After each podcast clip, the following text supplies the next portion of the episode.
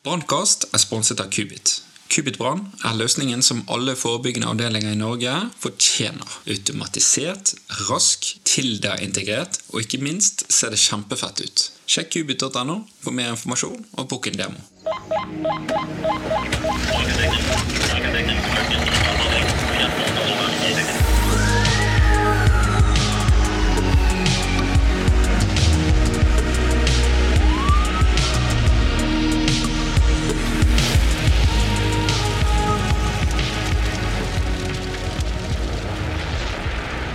Ja, velkommen tilbake til en eh, ny episode i eh, miniserien om eh, CBRNE. I dag så er det biologisk agens og hendelser. Så da tenker jeg at vi bare begynner rett på. Biologisk agens, hva er egentlig dette? Biologisk agens da, er jo noe som ligger tett på for oss, for oss i helse. Og vi snakker jo her om biologiske faktorer altså mikroorganismer som enten er i form av eh, bakterier, virus, sopp eller parasitter. Eh, og så er det sånn at alle disse eh, komponentene kan gi forskjellige giftstoffer. Litt avhengig av eh, hvordan de, eh, hvordan, de, gir virkning på oss mennesker. Eh, og der er det sånn at disse giftstoffene, som vi kaller toksiner, vil kunne gjøre oss syke. Mm. Med det så Eh, er det også sånn at eh, det vil ta litt tid før man blir dårlig. Eh, det vi kaller inkubasjonstiden.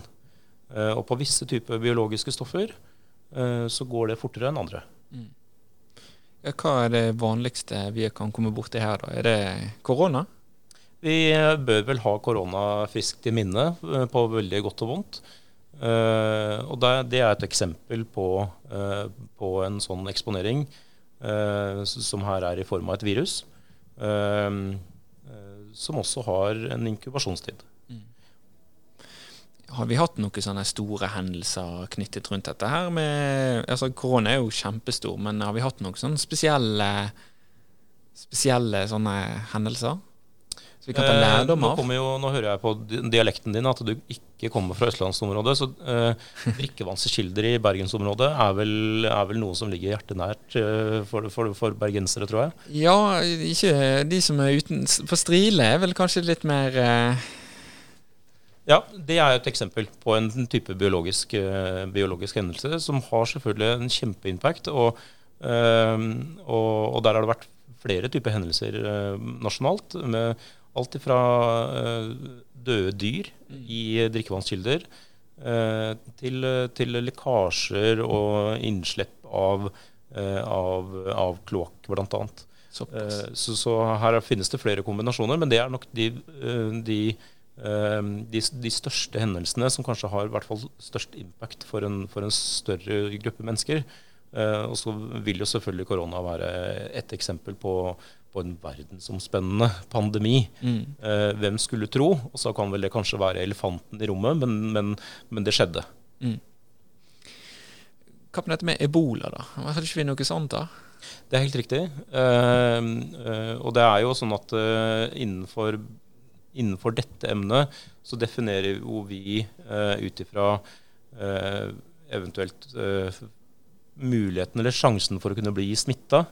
Uh, hvor lett er det å bli smitta? Hvor mye trenger du å bli eksponert? Uh, og så går det videre på uh, hvilken form for behandling har vi. og hvis det er veldig lett å bli smitta, og vi har ingen form for behandling, så kan også potensielt dødeligheten også, fordi at sykdommen i seg selv til slutt angriper og, og, og, og, gjør hele kroppen syk. Mm en, en, eh, en total infeksjon, eh, så, så, så, vil jo selvfølgelig dødelighet, dødeligheten stige. Og dermed så vil du eh, til slutt kunne definere det med de tre komponentene. Eh, så vil man kunne definere det som høyrisikosmitte. Mm. Eh, og det er bl.a. Eh, ebola. Ja. Der kommer vi inn i disse her karantenegreiene og alt det som vi er blitt så gode på. Det har nok, eh, det har nok ligget eh, tettere, tettere, på oss enn enn vi komfortabelt sett skulle ønske. I hvert fall de siste, siste årene. Når det gjelder når det gjelder lokale utbrudd, og selvfølgelig ikke så veldig lokalt, for det er jo kjempestore, kjempestore områder, så, så, er det ingen tvil om at det har en impact i de områdene utbruddene skjer.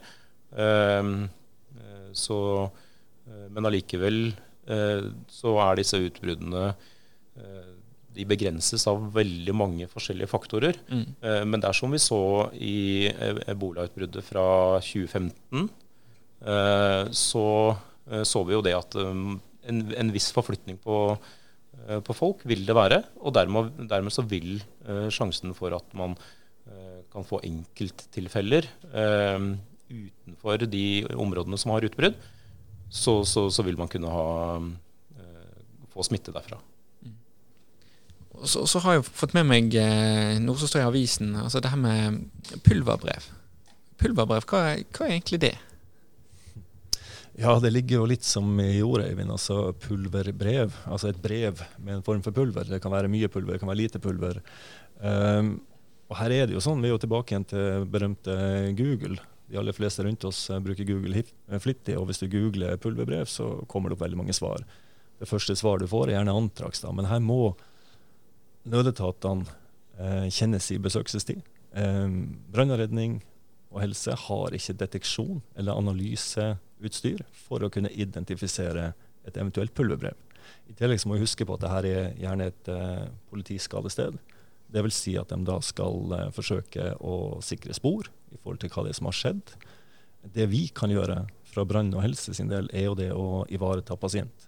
Og Da er vi tilbake igjen til det som uh, Bård og Lars prata om, det med inkubasjonstid. En eventuell pasient kan virke frisk og oppegående, men så snart vi har begynt å google, så blir du i hvert fall syk. Eh, realiteten er vel kanskje det at det har ikke vært så mange reelle pulverbrev på verdensbasis i hele tatt, men vi er nødt til å håndtere det uansett. For politiet del så går de gjerne i et spor som kanskje går på det med eksplosiver, og ikke nødvendigvis noe biologisk.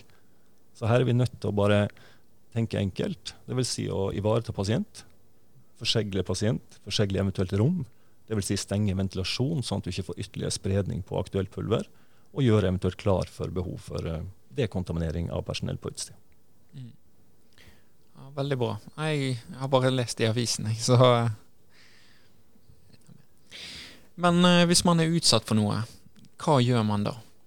Skal vi ringe giftinformasjon, eller eh, er det å ringe legevakten, eller eh, ja, fastlegen? Eh, helt generelt sagt da, så er det sånn at hvis man er utsatt for noe, og, og, og det er liksom i det biologiske sporet, så er det én ting er hvis man er utsatt for eller har drukket et, et forurensende en drikkekilde, og i den retningen så, så, er det sånn at det først og fremst må jo det er flere mekanismer her som skal sørge for både god informasjon uh, og hva man så selvfølgelig skal gjøre derfra.